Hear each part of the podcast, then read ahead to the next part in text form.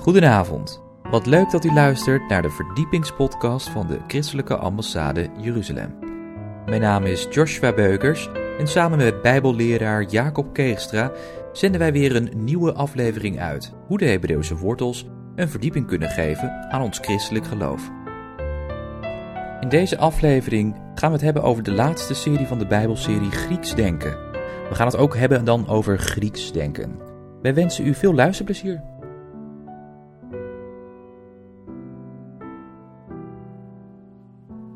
Mensen, welkom op een nieuwe aflevering in de serie Hoe denken wij? We hebben al een aantal lezingen gehad over hoe denken wij vanuit het Hebreeuwse denken, vanuit de taal, de natuur, de cultuur en de feesten. Specifiek het Loofhuttenfeest, waar alles om draait. Maar nu willen we verder gaan met het Griekse denken. Dus het verschil tussen het Bijbelse denken en het wereldse denken. Ook wel het Hebreeuwse denken tegenover het Griekse denken. En dan denkt u misschien, Griekse denken, ja, dat is toch van vroeger. Hoe word ik daardoor beïnvloed of bepaalt dat mijn denken? Nou, ik wil u graag meenemen in de ontwikkeling van het Griekse denken en hoe dat doorwerkt tot nu toe, maar waarvan we ook lezen in de Bijbel. Zoals het Hebreeuwse denken uitgaat van eenheid, omdat God één is, wil hij ook dat wij één zijn en zijn woord is één. Is het Griekse denken gaat uit van een tweedeling. En in verschillende fasen van die Griekse periode zien we deze tweedeling terug. De eerste fase van de vroege uh, Griekse periode is de tweedeling tussen de godenverhalen aan de ene kant tegenover de natuur en de natuurfilosofen aan de andere kant. Men kwam niet tot een eenheid. Maar die tweedeling was iedere keer dat of het ene het voordeel had, eh, of de andere keer flipte dat over naar de andere kant. We hebben de vorige keer bekeken hoe dat zat met die godenverhalen. En dan met name de oppergod Zeus, die met zijn titanen, zijn compagnon, op de Olympus, daarbij Athene, feest vierde, maar geen verbinding had met de mensen. Dus alles wat die goden daar op de Olympus aan feesten hadden, die hadden geen bemoeienis met de mensen op de aarde.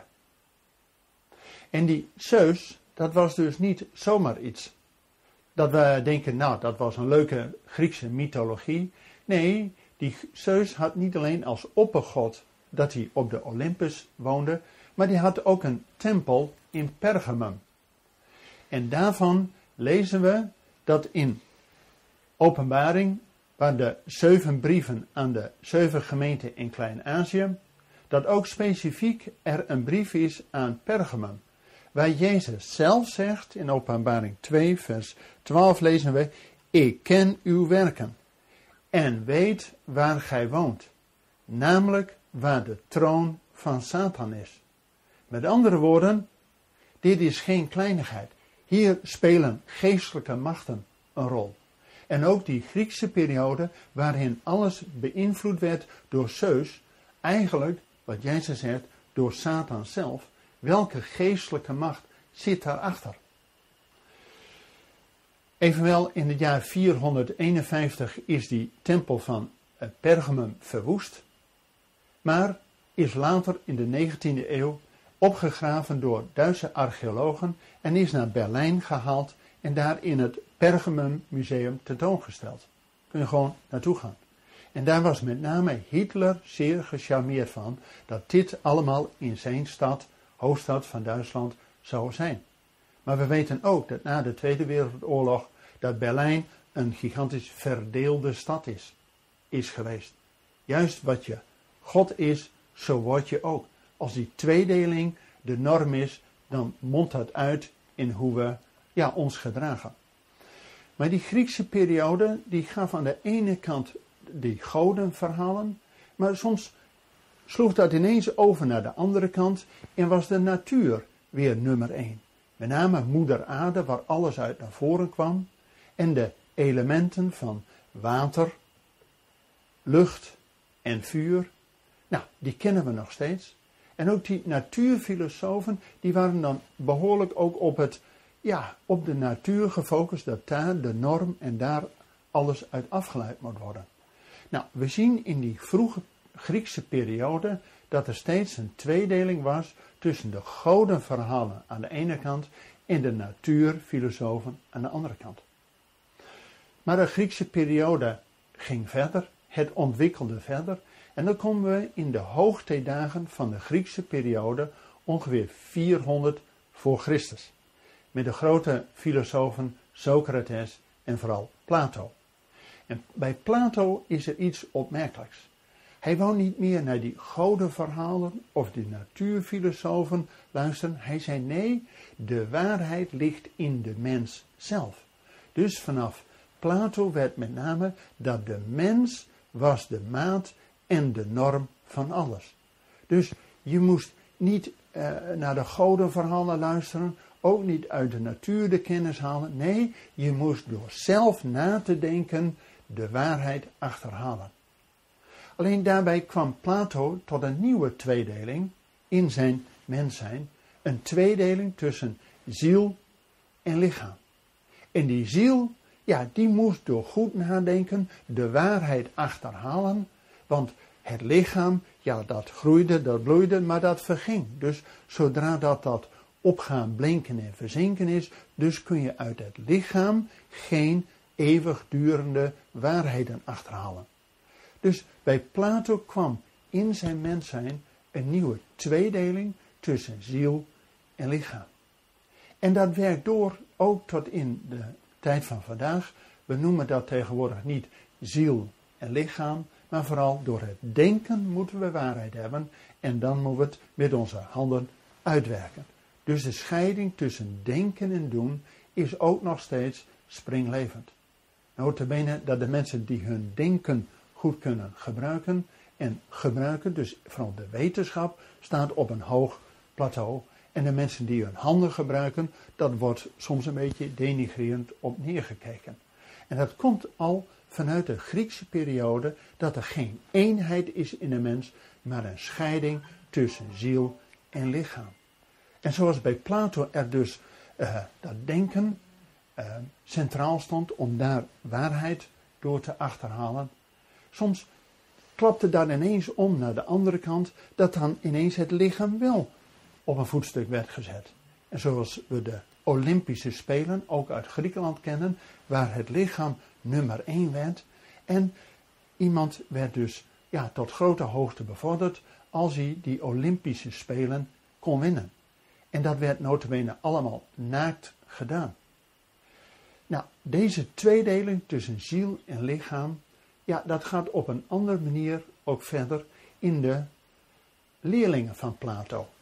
In de volgende fase van het Griekse denken, daar willen we het juist vandaag over hebben, dat de leerling van Plato was Aristoteles. En Aristoteles die zei, ja, al die ideeën en al dat nadenken om daarmee eeuwigdurende waarheden te achterhalen. Hij zegt, al die grote ideeën van Plato, die heb ik nog nooit zien vliegen. Dus daar kan ik niks mee. Aristoteles was degene die zei, we moeten weer gewoon naar de natuur kijken. En dan de natuur op een speciale manier. Dat we door natuurwetenschap weten hoe de wereld uh, is ontstaan en ook alles in elkaar steekt. En notabene, de natuurwetenschap en het denkbeeld van Aristoteles heeft bijna 2000 jaar in Europa is dat maatgevend geweest. Nou, bij Aristoteles zien we dat niet de ziel tegenover het lichaam is, maar dat er in de natuur de waarheid gevonden moet worden. Maar ja, hij ziet ook wel dat in de natuur er veel bloeit en groeit, maar ook afsterft. En verrot en verteert en noem maar op. Dus hoe kun je daar nu eeuwigdurende zekerheden uit ontlenen? Nou, toen kwam hij op een idee dat er in de natuur, in alle materiële dingen, een tweedeling is, ja let wel, weer een tweedeling tussen de vorm van alles en de inhoud. Tussen de vorm en de materie. En de materie, ja, dat vergaat, maar de vorm ervan is eeuwig. En die twee bij elkaar, dat is natuurlijk het geheel van de materie. En ja, wat is dan de oorsprong van alles? Dus in zijn denken ging hij natuurlijk uit van de vorm, ja, dat was ook het nulpunt, het eerste beginpunt waaruit alles wat materieel ontstaan is, is afgeleid. Dus hij kwam op een nieuwe manier van natuurwetenschap, wat we noemen oorzaak en gevolg. Wat natuurlijk ook een beweging geeft aan alles. Maar in dat verschil tussen vorm en materie ging hij de begrippen oorzaak en gevolg introduceren. En die kennen we vandaag nog steeds. Dat is op zich natuurlijk helemaal niet verkeerd, maar bij uh, Aristoteles ging het uiteindelijk om de oorsprong van alles. Nou, die vraag kennen wij ook in het christendom. Wat is de oorsprong van alles? En juist in de Bijbel, waar God de oorsprong is van alles, de schepper die losstaat van de schepping. Maar ja, als je van de goden niks wilt weten, zoals Aristoteles, en alles in die natuur, in die schepping moet zien te achterhalen, ja, dan wordt het eerste begin, moet dan iets zijn wat een onbewogen beweger is, die alles zelf in werking zet. Maar daar is geen nulpunt en eigenlijk geen echte oorsprong in te ontdekken. Maar doordat hij oorzaak en gevolg op dat dualisme, op die tweedeling ging focussen, betekende dat hij ook nooit tot een einddoel kwam. En het bijzondere van het christendom is, en juist ook in de Bijbel lezen we, dat God alles van tevoren al aankondigt. Dus God geeft in die schepping iets mee met een bedoeling, met een doel. Alles is geschapen met een bedoeling. En vandaar dat ook God in zijn woord al van tevoren het einddoel aangeeft. Wij noemen dat ook profetisch. Dus het woord van God, wat een eenheid is, is ook profetisch. Want het geeft vanaf het begin het einddoel al aan. En dat konden die Griekse denkers nooit zeggen.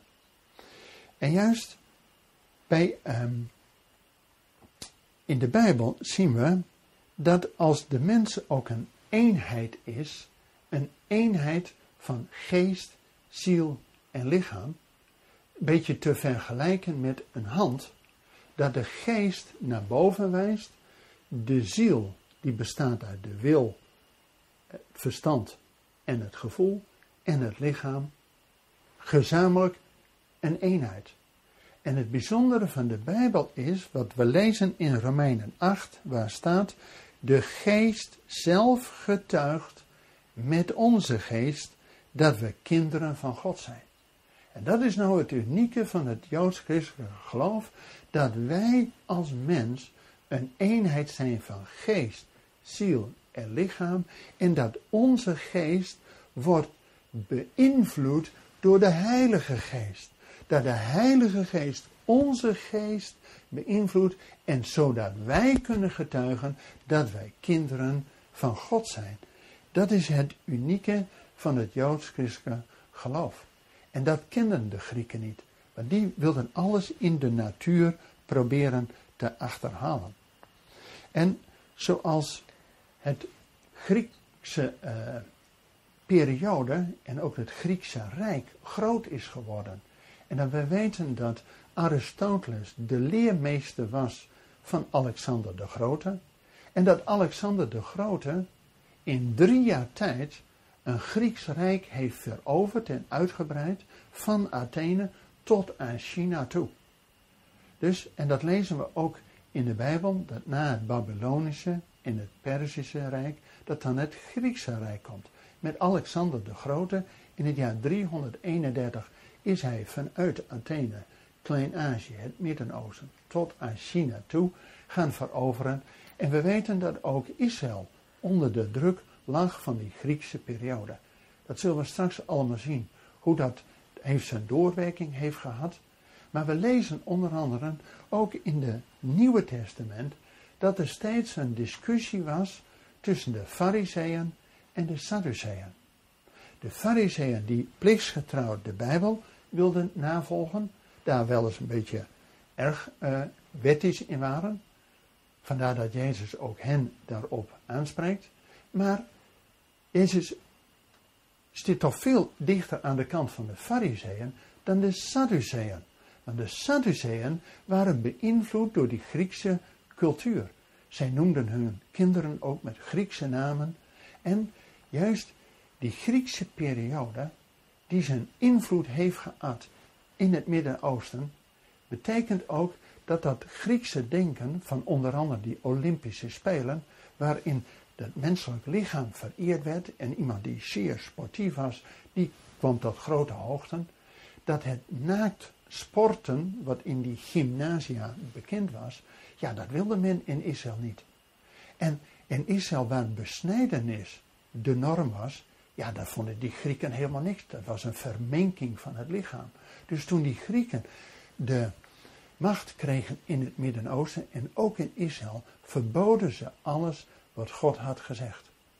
En daarvan lezen we ook in de Bijbel dat wanneer na Jezus en na de uitstorting van de Heilige Geest, dat apostel Paulus, die gaat op weg. En die gaat niet alleen naar die uh, gemeentes in Klein-Azië, maar hij komt zelfs tot Athene.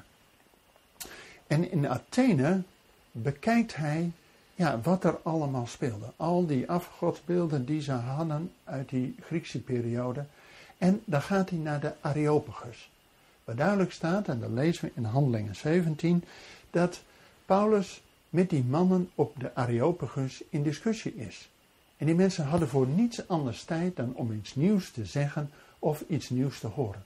Dat waren de filosofen, de wijsgeren uit die Griekse periode. En Paulus was goed onderlegd. Hij kende niet alleen de schrift, maar wist ook het nodige van die Griekse wijsgeren. Dus hij gaat met hen in discussie. En dat gaat goed tot het moment dat Paulus over de opstanding uit de dood.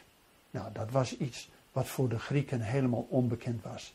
Want het leven hier en nu, dat is het. Ja, en men had al die goden afgezworen. Dus het leven hier en nu, dat was het. Met andere woorden, ook hun ethiek was: eten en drinken werd vrolijk, want morgen sterven wij. En juist dan komt Paulus met het evangelie dat niet dit leven het maatgevende is, maar dat er een God is die de oorsprong is van alles. En dat er een dag komt dat God ook deze wereld zal oordelen. Door iemand waarvan God het bewijs geleverd heeft door hem uit de dood op te wekken. Nou, dat vonden die Griekse filosofen zoiets vreemd. Daar hadden ze nog nooit van gehoord, maar daar waren ze blijkbaar ook niet echt in geïnteresseerd. Hun wereldbeeld was beperkt tot het hier en het nu. En we zullen straks ook zien hoe die doorwerking in Israël tot verzet leidde. Maar eerst gaan we ook een filmpje bekijken over uh, wat de Christelijke ambassade ook dit jaar allemaal heeft mogen doen als uw uitgestoken hand in Israël om Israël wel te zegenen.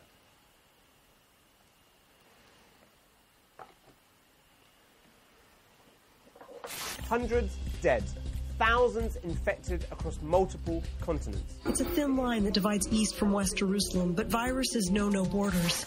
We have therefore made the assessment that COVID 19 can be characterized as a pandemic. The year 2020 has indeed been one of the most challenging years around the world. While the year started well with Israel leading the way in the battle against the coronavirus, the second half of the year Israel was challenged with one of the highest infection rates around the world. Nevertheless, in this year of crisis, the Lord opened amazing opportunities to bless the Jewish people like never before. Whether it was to bring them back to their homeland or to unite believers from around the world in prayer for Israel or even to celebrate the largest feast of tabernacles, you have been with us in this critical time. Now let's have a look what the Lord did through the ICEJ in 2020. When travel became far more challenging or was halted completely, the ICEJ was still able to help fulfill biblical prophecy through Aliyah. In fact, Aliyah did not decrease, but only increased as we welcomed 1,475 new Jewish immigrants home to Israel from across the globe. While so many were isolated in their homes during seasons of lockdown, the ICEJ was still able to meet critical needs. This year, as we partnered with you, we helped provide 55,000 meals, 2,500 essential packages and items, and more than 100 computers for distance education. Holocaust survivors represented one of the most vulnerable groups during the pandemic, but the residents of the Haifa home were in good hands as staff worked to make sure they had food, essential supplies, and encouragement. For these residents, the encouragement from volunteers became very important as it was the only personal contact they had while staying safe at home. As each of you personally faced the global pandemic, the ICEJ was able to host regular online prayer gatherings that blessed and connected many people around the world.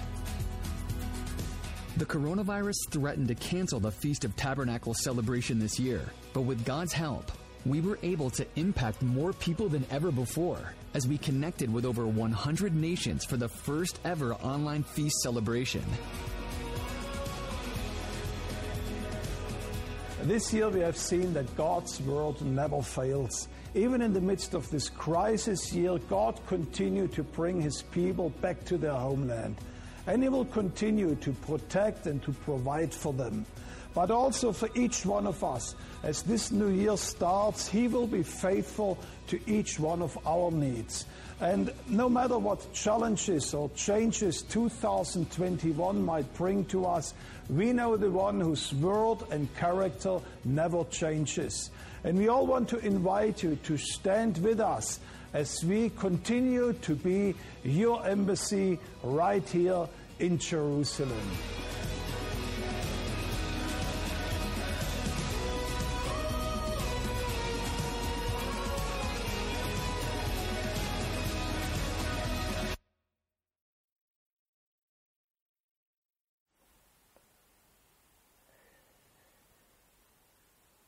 Het Ganoukafeest. Het Ganoukafeest, wat is dat eigenlijk?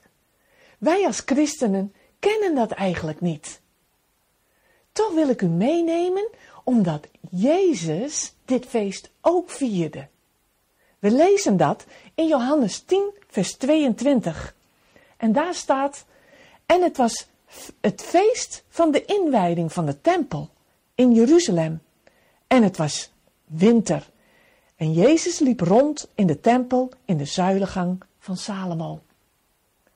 Met andere woorden, Jezus was er deel van. Hij stond erbij, hij vierde het Ganoekenfeest.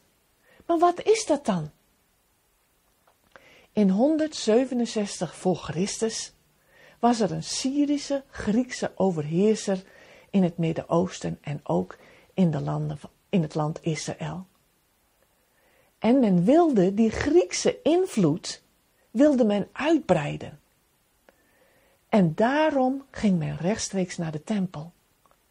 Men ging de tempel ontwijden. Men wilde die Griekse invloed laten overheersen over het Joodse. En wat deed men? Men nam hun goden, Zeus en Jupiter, en die gingen ze in de tempel plaatsen. Maar wat nog erger was, ze gingen varkens offeren in de tempel. Ze wilden op deze manier het Jodendom uitroeien. Men mocht niet meer de Torah lezen.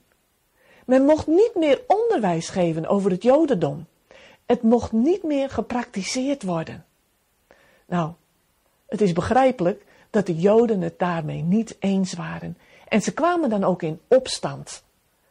En met name de priesterfamilie, de Maccabeeën.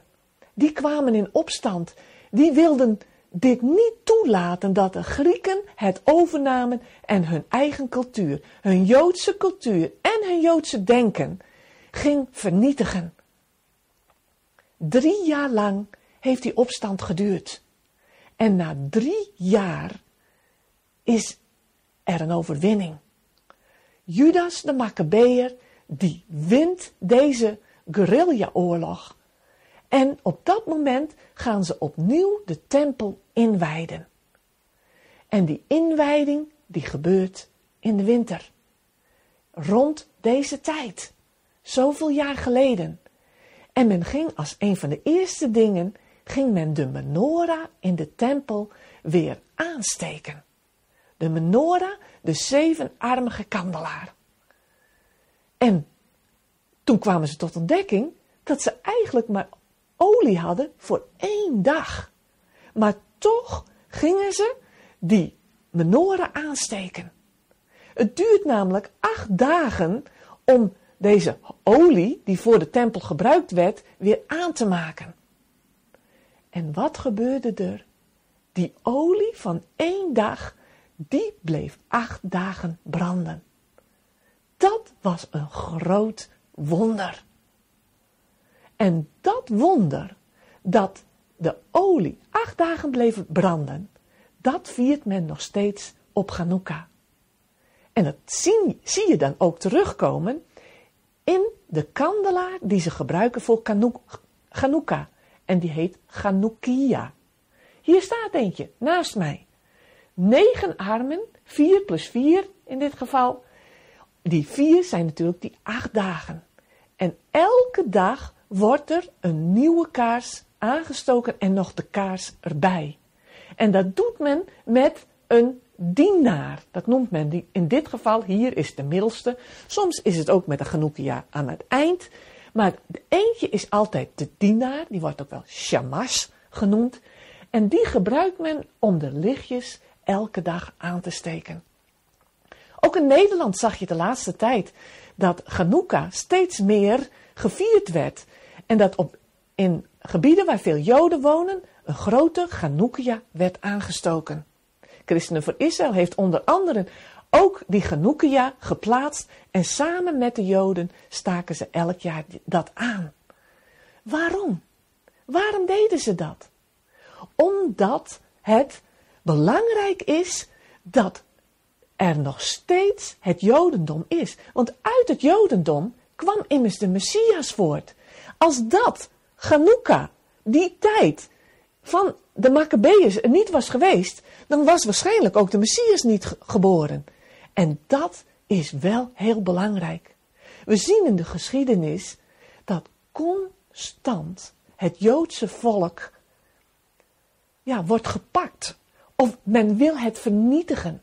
Het begon al in Egypte bij Farao. Die zei: Ik wil dat de jonge kinderen, de jonge jongetjes, in de Nijl worden geworpen. Maar toen gebeurde er weer een wonder. Kwam Mozes. Mozes werd de leider. En die werd op wonderlijke wijze gebruikt en gered, zodat hij het volk uit Egypte kon uitleiden. Maar we zien het later verder met Haman. Die ook het Joodse volk heel specifiek wil vernietigen. Totaal vernietigen. Ook dan wordt er ingegrepen. Koningin Esther is bereid om te gaan naar de grote koning. En op die manier wordt het Joodse volk weer gered. Maar we zien het bij de Maccabeeërs, maar we zien het later ook bij de Inquisitie en nog heel recentelijk bij de Holocaust. Zes miljoen Joden worden vermoord. Het is onbegrijpelijk. En dat is de reden dat, ook, dat je ziet dat Genoeka eigenlijk steeds levendiger wordt. Omdat men laat zien dat het Joodse volk niet vernietigd wordt, maar dat er nog steeds is. Het is wonderbaarlijk om dat allemaal te zien. Het Genoeka wordt ook wel lichtenfeest gezien, vanwege al die lichtjes. Die lichtjes die worden voor het raam gezet of soms bij de uitgang van, van de deur deze dagen van Genoeka. Om te laten zien dat het Joodse volk er nog steeds mag zijn. Hanukkah, lichtenfeest, de inwijding van de tempel, allemaal woorden die dit feest aangeven. Het lichtenfeest, juist in de maand december. We zien ook dat er staat geschreven in Johannes 8, vers 12. Kijk, Johannes 8, vers 12. Jezus dan sprak opnieuw tot hen en zei: Ik ben het licht van de wereld.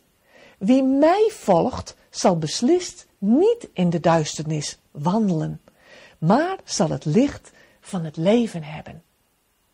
Het licht. Jezus, de Messias, is het licht. Hij wil het licht uitstralen. Hij wil de duisternis overwinnen. Hij wil het kwaad overwinnen. En nog steeds wordt dat gedaan. De Joden, in, in, in Israël wordt het gevierd. In de wereld wordt het gevierd.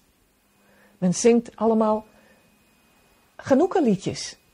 Maas Tsur Yeshuati. Of men gaat met een kleine vierkante tol gaat men spelen als kinderen. Want er staan letters op, Joodse letters, en daar staat op, een groot wonder heeft hier plaatsgevonden. En dat grote wonder gebeurt nog steeds. Want God waakt over zijn volk. Hij waakt nog steeds over zijn volk. Hij brengt het profetische woord nog steeds wordt werkelijkheid. En het is geweldig om dat te mogen zien. Zoals jullie gewend zijn, hebben wij altijd op de themaochtenden dat we bidden. We bidden altijd voor drie dingen. We bidden voor Israël, we bidden voor het Midden-Oosten en we bidden ook voor Nederland. En dat willen we ook nu graag gaan doen. In Gods woord gaan we altijd een, een tekst proclameren. En dat willen we nu ook doen. Hij komt op het beeld. En het is de bekende tekst uit Psalm 122, vers 6. Bid voor de vrede van Jeruzalem. Juist als het woord geproclameerd wordt, geproclameerd betekent luidop uitspreken, dat maakt het woord van God extra krachtig. En we zien dat er ook nu nog wonderen gebeuren. Afgelopen week zijn er rond de 500 Ethiopische Joden teruggekomen naar Israël. Dus ondanks de corona, ondanks dat er een oorlog is in Ethiopië, ondanks dat er sprinkhanen zijn, heeft Israël een reddingsoperatie op, in gang gezet om extra Ethiopische Joden terug te brengen. Wat geweldig. De eerste 500 zijn gekomen. En wij als christelijke ambassade zijn daar heel erg bij betrokken. Wij mogen namelijk dat namens u sponsoren. En dat vind ik heel bijzonder. Tegelijkertijd hebben we ook weer net gehoord dat er binnenkort uh, 250 Bnei Joden die uit India komen. Die worden waarschijnlijk 15 december verwacht. Jongens, wat geweldig om te zien dat Gods woord op dit moment werkelijkheid wordt. Wij als heidenen mogen daarbij betrokken zijn. Dat staat al geschreven in Gods woord. Dat de heidenen mee zullen helpen om de Joden terug te brengen. Wat bijzonder. Tegelijkertijd willen we straks ook voor gaan bidden voor deze operaties. Tegelijkertijd zien we ook dat corona nog steeds ook heerst in Israël en nog wel heel sterk. We willen bidden dat de pandemie die in Israël, maar ook wereldwijd, ook in Nederland, dat daar een oplossing voor mag komen. Tegelijkertijd is Israël ook ja, altijd politiek gezien in een lastige situatie. Daardoor komt binnenkort ook een vierde verkiezing. We willen nu gaan bidden voor de vrede van Jeruzalem. Vader in de hemel, u gaat door. We zien dat u nog steeds doorgaat. Duizenden jaren zijn de Joden verspreid geweest over de hele wereld. Duizenden jaren heeft onder anderen de Griekse wereld geprobeerd om het Jodendom kapot te maken. Maar u hebt uw volk nog steeds lief. En u hebt nog steeds een doel met uw volk. En daarom willen wij als christenen ook bidden en op de bres staan voor Gods volk. En willen we bidden voor de vrede van Jeruzalem. Heer, we willen wel, wel zeggen, we begrijpen alles niet. Maar één ding begrijpen we wel. Uw woord blijft voor eeuwig. En ook de beloften die u geeft in uw woord ten aanzien van uw volk, die blijven. En we willen bidden dat die gestalte zullen krijgen. Vader in de hemel, kom met uw liefde. Kom met uw licht. Mocht u als het licht, grote lichtgever, de duisternis overwinnen. In de naam van Jezus. Halleluja. We willen nu gaan bidden voor het Midden-Oosten. Want we geloven.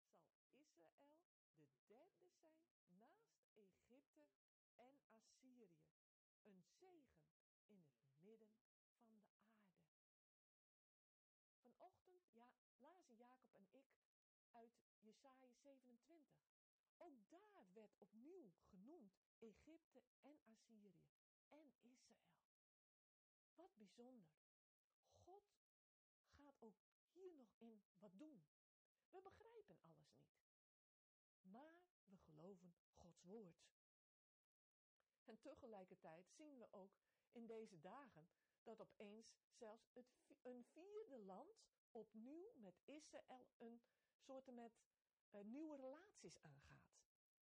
Marokko. Vroeger heeft Marokko dat al heel erg gehad. Zijn ook heel veel Marokkaanse Joden. En nu heeft Marokko ook gezegd dat ze opnieuw banden wil hebben met Israël. Tegelijkertijd zien we dat zelfs, ook al is het nog klein, er een opwekking gaande is, ook rondom het Midden-Oosten. En met name Iran. Iran is ook heel erg geraakt onder de, uh, de wetten van Iran. En men gaat op zoek. En men zoekt ook op internet. En juist vrouwen en kinderen, die nemen de Heer aan. We willen ook bidden voor die opwekking, dat God doorgaat met zijn woord. Tegelijkertijd zien we ook altijd een dreiging vanuit Iran. Vader in de hemel, we willen voor uw troon komen. U bent God over het wereldgebeuren. Vader, ook over het wereldgebeuren in het gehele Midden-Oosten. Vader, we willen bidden voor de landen rondom Israël. Want we geloven dat u ook nog een zegen hebt voor Ismaël. Voor ook de mensen die u ook daarin lief hebt. Kom met uw Heilige Geest. Openbaar uzelf. Vader mag de liefde overwinnen van het kwade. Wilt u als degene, de God van liefde, de liefde ook brengen in de landen rondom het Midden-Oosten, zodat de haat weg mag gaan. En we willen ook bidden, met name voor de voorgangers in het Midden-Oosten, waarvan we ook verschillende mensen kennen. Vader in de hemel, wilt u die mensen sterk maken en krachtig maken. Juist dat de kerk in het Midden-Oosten niet zal verdwijnen, maar ook krachtig mag zijn. En ook de Heer in Israël terug mag verwachten. Dank u wel daarvoor. Vader, wilt u ook oplossingen geven over de werelddreigingen die er zijn? Vader, we weten soms niet hoe we moeten bidden, maar we geloven in uw woord dat het woord van u werkelijkheid gaat worden. Dit willen we bidden in de naam van Jezus. En als laatste willen we ook bidden voor Nederland. Want we geloven dat ook God een uh, oplossing heeft, ook in Nederland. Of het eigenlijk de oplossing is, hier ook in Nederland. We willen ook weer beginnen met een tekst te proclameren. Deze keer uit Jeremia 31, vers 10. Daar waar staat: Hoor het woord van de Heere, heidevolken, verkondig het in de kustlanden van ver weg en zeg: Hij die Israël verstrooid heeft, zal het weer bijeenbrengen en het hoeden zoals een herder zijn kudde hoedt. En in deze tekst wordt heel specifiek de kustlanden genoemd. Wij geloven dat ook Nederland een van die kustlanden mag zijn. Ook wij mogen ons inzetten om het verstrooide volk, wat over de hele wereld verstrooid is geweest, maar dat we nu zien gebeuren dat het weer terugkeert. Van Ethiopië, van Rusland, van India, China, op dit moment, op 15 december, waar weer 250 Joden terug zullen keren. En wij, wij mogen erbij betrokken zijn. Ook als Nederland, ook als internationale christelijke ambassade Jeruzalem. Ik vind dat een speciaal voorrecht. En we willen dan ook bidden dat Nederland ook zijn plek in mag nemen. Vader in de hemel, we willen bidden ook voor Nederland. Juist ook voor het land waar wij wonen. Kom met uw liefde. Kom met uw nabijheid.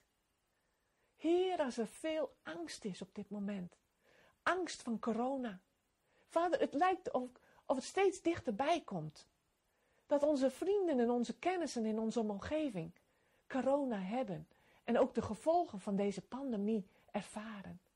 Vader, dan willen we bidden voor de mensen die ons lief zijn. Vader, we willen bidden dat u herstel wilt geven.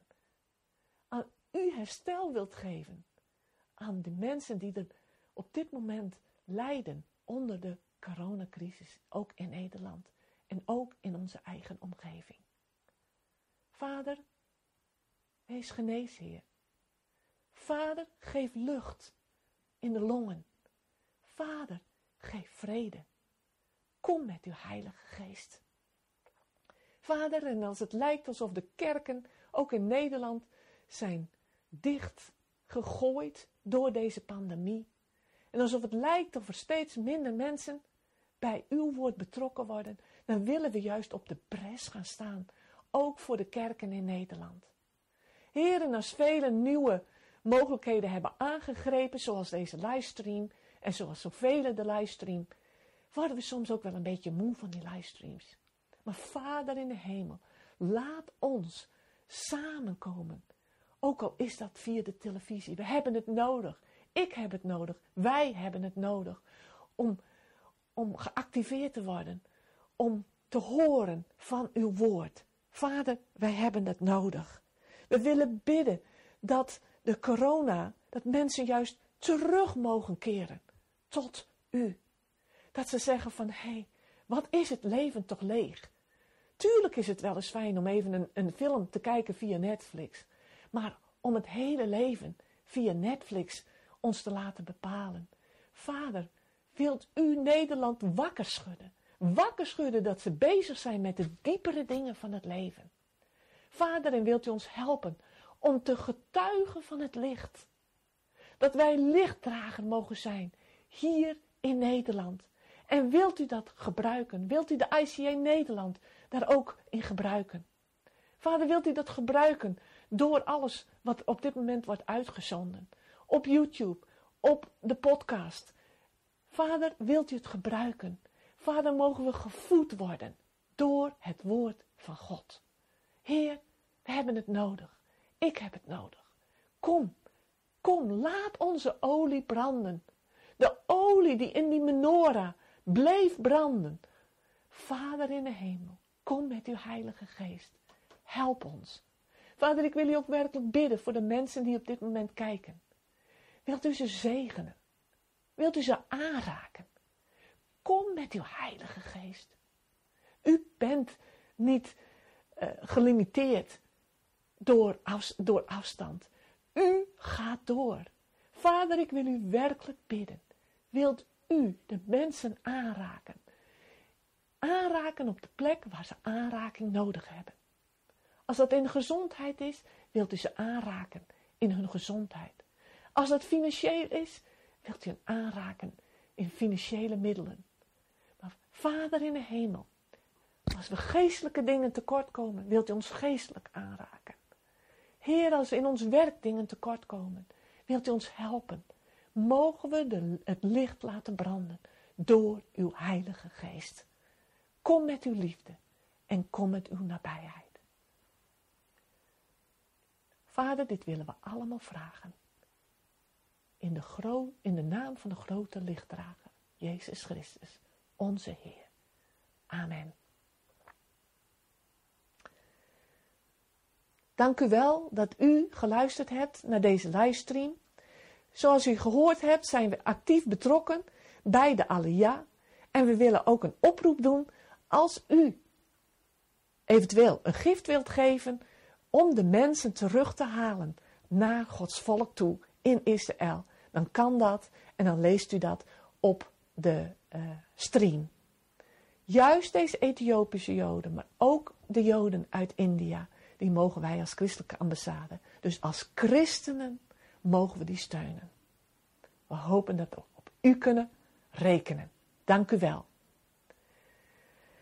Volgende uh, keer dat we een livestream hebben, is het elke tweede zaterdag van de maand om 10.30 uur hebben we een livestream. Dus u kunt elke keer daar gewoon op rekenen. De ene keer zal het fysiek zijn en de andere keer zal het gewoon uh, via de livestream, maar we willen echt ook doorgaan. Zo willen we het woord van God ook verder brengen. Dank u wel dat u ook deze keer hebt geluisterd. Um, het zou ons een geweldige hulp zijn als u abonneert of ook deze YouTube-filmpjes liked. Dan komen we weer verder in het geheel. Dank u wel. We zijn aan het einde gekomen van deze podcast van de ICEJ. Waardeert u onze podcast? Steun ons dan. Dat kunt u doen door een donatie of door deze podcast te delen met uw vrienden of familie. Ga naar icej.nl. Volgende week volgt er uiteraard weer een nieuwe aflevering van de Christelijke Ambassade Jeruzalem. Ik hoop dan dat u wederom naar ons gaat luisteren. Hartelijk bedankt voor het luisteren en tot volgende week.